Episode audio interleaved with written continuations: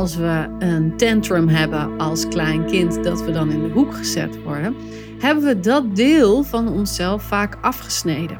En hebben we daar niet zo toegang meer toe. Niet op een flexibele beweging in ieder geval, waarbij het binnen mag komen, zijn werk mag doen, de grens mag stellen en dan weer kan verdwijnen. Welkom bij de Sensueel Belichaamd Leiderschapspodcast met Janneke Robers. Dit is de podcast voor vrouwelijke coaches en leiders die zichzelf willen bevrijden van eeuwenlange conditioneringen die hen klein houden. En de podcast die je ondersteunt in het ontwaken van je volle vrouwelijke potentieel. Welkom in mijn hoofd, hart en bekken.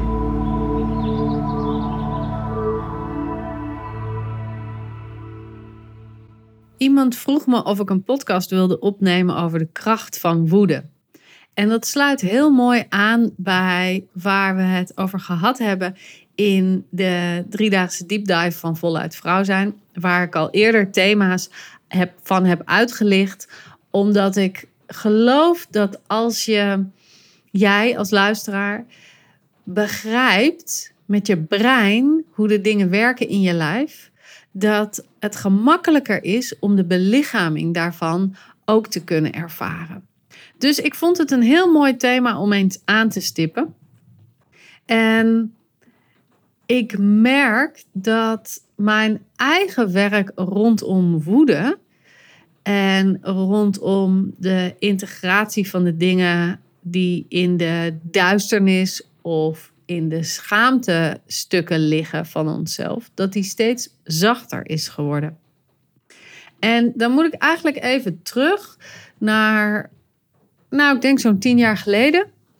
Toen ik voor het eerst begon met uh, voluit vrouw zijn. Ik was al vijf jaar bezig met uh, sensueel belichaamd leiderschapwerk en vrouwenwerk. Maar toen voor het eerst ging ik een jaartraining doen. En daar zat heel veel catharsis in als ik daarop terugblik, dan denk ik, dan vind ik daar van alles van. Maar ik uh, sprak een tijdje geleden een deelnemer van dat eerste jaar. En, uh, en die zei: Oh, ik denk er nog steeds aan terug. En het was zo voedend. Dus misschien is dit ook maar alleen mijn gedachten en mijn brein. Omdat ik zelf nu veel verder ben. Maar goed, catharsis. Catharsis komt uit het Grieks en het betekent eigenlijk emotionele zuivering. En het werd vaak ingezet bij toneelspel, waarbij de acteurs in een hele krachtige emotionele toestand kwamen. Bijvoorbeeld in schreeuwen, in woede, in verdriet, in echt die hele heftige expressie daarvan. Zodat de toeschouwer diezelfde emotie bij zichzelf kon ervaren en daardoor een soort van zuivering ervaarde. En die vorm, die catharsisvorm, die is ook veel overgenomen in persoonlijke ontwikkelingstrainingen. En in die trainingen is dan het idee dat je een bepaalde toestand in jezelf opwekt, dat je daar helemaal induikt, dat je jezelf helemaal laat overnemen door die toestand.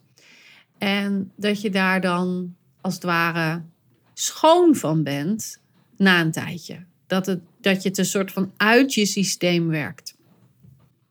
En dat is wel heel interessant, want ik kan dat wel zien als begeleider is het heel prettig als je deelnemers gevoelens ervaren. Als er een expressie is, omdat je dan weet: oh, er gebeurt iets bij mijn deelnemer. Er is echt iets gaande. Maar de vraag is: is het ook echt zo voedend voor je deelnemers? En ik heb gemerkt dat wanneer ik op een veel zachtere manier werk met mijn deelnemers, als ik ze van yin naar yang naar yin naar yang kan laten bewegen. Dus in die flexibele toestand van gevoelens laat komen. In plaats van een hele heftige emotie in te zetten. En we hebben het al eerder over de verschillende lagen van voelen gehad hè, in een eerdere podcast, waarbij ik zei: emoties zijn eigenlijk gevoelens, gevoelens die maar een fractie van een seconde duren. emoties zijn gevoelens met een verhaal. En dus als je jezelf toestaat om een bepaalde emotie op te roepen, roep je dus ook een bepaald verhaal op. En dat verhaal dat lost niet op door alleen maar die expressie te uiten. En daarbij is het zo dat emoties of expressies die groter zijn dan het moment waardig acht.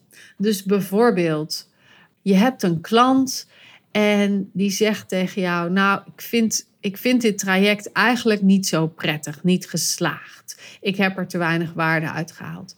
En je wordt daar heel extreem boos over. Of je wordt daar heel extreem verdrietig over. Of je gaat heel extreem proberen uit te leggen waarom die klant zijn werk niet heeft gedaan. In een overgrote mate. Of je staat bij de supermarkt en iemand drinkt voor in de rij en je wordt echt woest. Nou, dat soort dingen zijn vaak een teken dat er iets in het systeem, in jouw systeem, in je geschiedenis, in je ervaring zit, wat je plakt op de huidige situatie.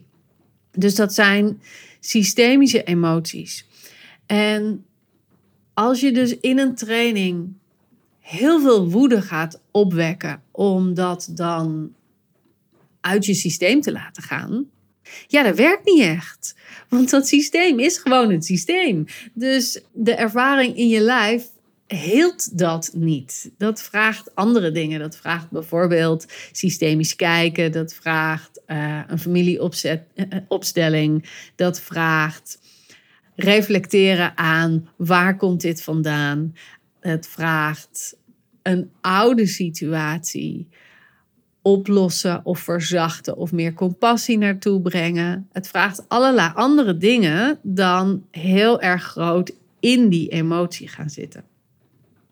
Dat wil niet zeggen dat woede niet een heel gezonde energie is, een gezonde beweging.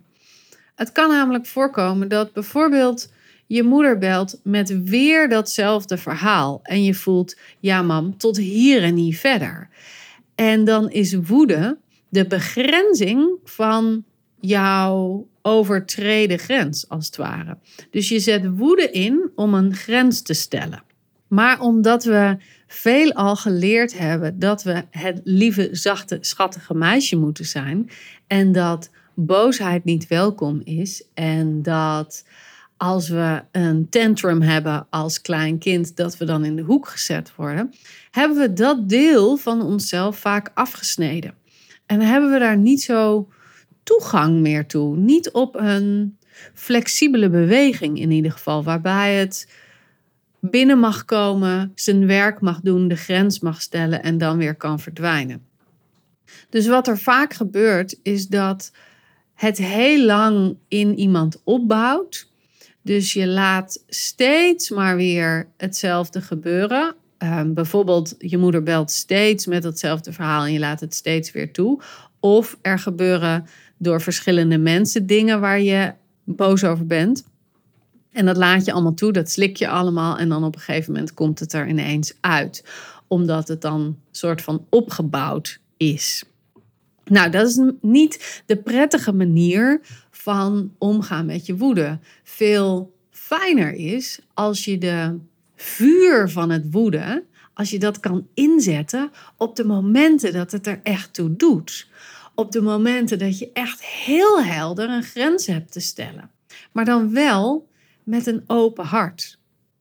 Dus om een voorbeeld te geven, als mijn dochter iets doet wat niet mag en ik word boos en ik ga heel erg op de grenzen stellen, zitten, maar mijn hart zit dicht, dan krijg ik van haar een tegenovergestelde beweging. Dan gaat zij ook verharden, dan wordt zij ook boos, gaat ze verder door met het gedrag wat ik niet prettig vond, of ze gaat heel erg in het schreeuwen, of ze gaat heel erg in de terugtrekkende beweging.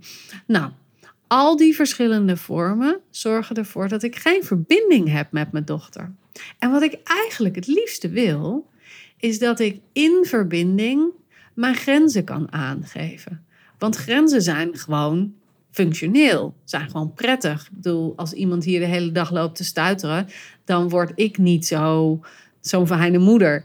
Dus er, er is wel dat, dat, dat grenzen is wel nodig, is wel functioneel. Maar het belangrijkste daarbij is dat we dat doen met een open en liefdevol hart. Dat we de ander echt kunnen ontmoeten en dat de ander jou kan ontmoeten. En dat is ook al waar ik het over had in de aflevering over uitreiken, is dat we in een lemniskaat bewegen met elkaar. En als we dat doen, kan de ander je horen en kan de ander ook komen met zijn verlangens. En zo kan ik mezelf ook inbrengen en mezelf laten horen. En dus ook die grens laten horen. Maar hoe doe je dat nu? Hoe oefen je nou met die kracht van woede weer wakker maken in jezelf, zodat je hem kan inzetten op de momenten dat ze ertoe doen, in plaats van dat het als een soort vuurdraak uit je komt en het je hele omgeving verschroeit. Want daarmee verlies je de liefdevolle verbinding, maar je verliest ook iedere vorm van ja, gezonde energie eigenlijk. Want zo'n zo'n vuurdraak loopt leeg uiteindelijk als je te veel spuwt. Nou, wat je kunt doen is dat je gaat oefenen met woede wakker maken in je lijf. En dan bedoel ik niet de catharsis woede, maar ik bedoel wel het gevoel van vuur in je lijf. Dus met stampen, met bonken met je vuisten op een mat, met een kussentje dat je voor je hebt en daar flink op slaan. Dat maakt een bepaalde beweging in jou wakker. En de fysieke beweging ondersteunt de emotionele ervaring die eronder ligt, of de gevoelservaring die eronder ligt. Ik moet zelf ook de goede scheiding daartussen houden tussen gevoel en emotie. Dus de gevoelservaring die daaronder ligt, wordt wakker. En als die wakker wordt, dat je kan voelen waar de beweging in je lijf naartoe gaat. En als je die beweging rukzichtloos gaat doen en dus echt helemaal vol erin gaat, kom je in die catharsis-modus. Als je gaat luisteren naar dat vuur dat onder je navel ligt, in je bekken, misschien iets boven je bekken, dan ga je merken dat je vanuit die beweging, vanuit die krachtige beweging, op een gegeven moment een plezier erin kunt gaan hebben. En dat betekent dat je hart open is. Dat betekent dat je bekken open is. Je lust, je levenslust zit in je bekken. En je hart is de plek waar de liefde en de verbinding zit. Dus die twee plekken hebben open te zijn. En als die open zijn en meewerken met de beweging die je hebt, het stampen, het bonken, het slaan. Ehm, misschien wel hout hakken, dat is ook een mooie vorm. Dat, dat werkt ook heel goed op je psoas in, waar de, de spanning en de angst is opgeslagen die we opdoen als we niet onze vuur, niet onze woede toelaten op het moment dat dat echt heel functioneel en afgrenzend is. Dan slaat die op in je psoas. Dus het zijn vooral bewegingen die die psoas wakker maken. Dus de de vooroverbuiging, de sumo-worsteling noem ik dat altijd, zodat je stamt met de benen zijwaarts, dus omste beurt, als, als het ware alsof je als een sumo-worstelaar door de ruimte loopt. Die bewegingen, die, die maken die psoas wakker.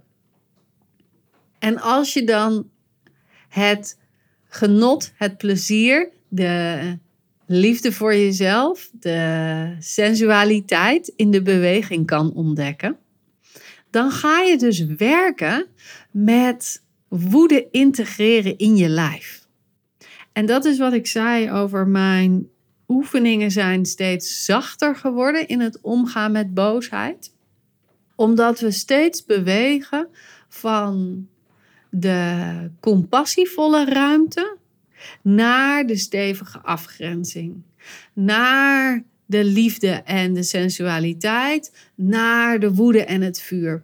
En dat je dus gaat ervaren dat je zelf een flexibele beweging kunt maken tussen die polariteiten daarin. En als je dat kan, dan ga je in je dagelijks leven ook heel erg duidelijk kunnen zeggen tegen die voordringer in de rij bij de kassa: hey, zou je even achteraan willen slaan, staan? Want ik sta hier al een tijdje in de kassa. Of hey, zou je dit even willen vragen voordat je dit doet? Want ik vind dit niet zo prettig. Weet je, dan kun je je vuur op een gezonde manier gaan inzetten. En dat vraagt dus flexibel kunnen bewegen tussen je innerlijke polariteiten. Want duisternis, schaamte, dingen die we niet van onszelf willen zien, de ehm, schaduwkantjes, de, het egoïsme of de inhaligheid of de. Nou ja, woede is er natuurlijk ook zo een. De delen die we niet van onszelf geaccepteerd hebben, die verdwijnen naar de achtergrond en komen soms spontaan boven. Maar eigenlijk wat ze willen is gewoon geïntegreerd worden. Simpelweg omarmd worden. Simpelweg erbij mogen horen. Want we zijn nou eenmaal heel. We zijn compleet. We hebben dat hele spectrum van lichte en donkere energieën in ons, van yin en yang, van mannelijk en vrouwelijk en alles wat daartussenin zit. Dus de delen die we zelf in onze schaduw hebben gezet, omdat ze vroeger bijvoorbeeld niet gewenst waren. Net als bijvoorbeeld huilen. Als jij vroeger huilde omdat je viel en een van je ouders zei: Nou, niet huilen, kom op, sterk zijn. Ga jij leren dat huilen er niet bij hoort. En gaat dit hele verhaal wat ik vertel over woede ook op over huilen. En het enige wat het wil, is dat het geïntegreerd wordt in jouw geheel. Er is niets mis met gezonde woede.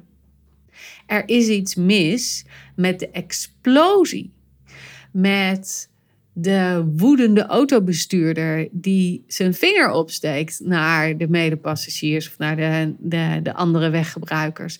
Daar is iets mis mee, omdat het extreem is en niet in de gezonde mate in verbinding staat met de ander. Maar je mag best toeteren als iemand je afsnijdt. Weet je, kun je voelen dat, de, dat het gaat over de gepaste mate waarin we het inzetten. En dat dat verbonden is aan hoe we dat deel van onszelf hebben geïntegreerd in, onze gehele, in ons gehele spectrum. Dus zijn we voluit vrouw of zijn we een beetje half of drie kwart vrouw, weet je? En, en zit, er, zit er een deel in, uh, in de kelder, als het ware. Nou, ik ben heel benieuwd. Hoe ga jij met woede om? En wat roept het eigenlijk op als ik dat woord gebruik? Weet je, er komt een andere klank bij woede dan er komt bij boosheid. En er komt een andere vibe mee als ik zeg: zet je vrouwelijk vuur in.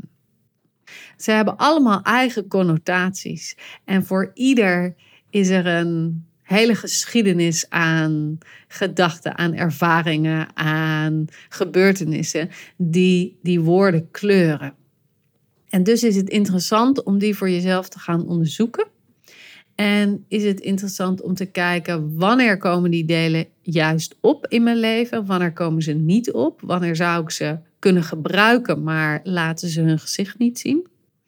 En hoe kan ik mijn lijf daartoe permissie geven om die gevoelens wakker te maken? Want ze zijn er, je hebt ze. Je bent nog helemaal puur en alles is nog werkzaam in jou. Alleen hebben we gewoon de herinnering eraan een beetje weggestopt. Dus we hebben de herinnering wakker te maken. En dat doe je dus door de oefeningen die ik noemde.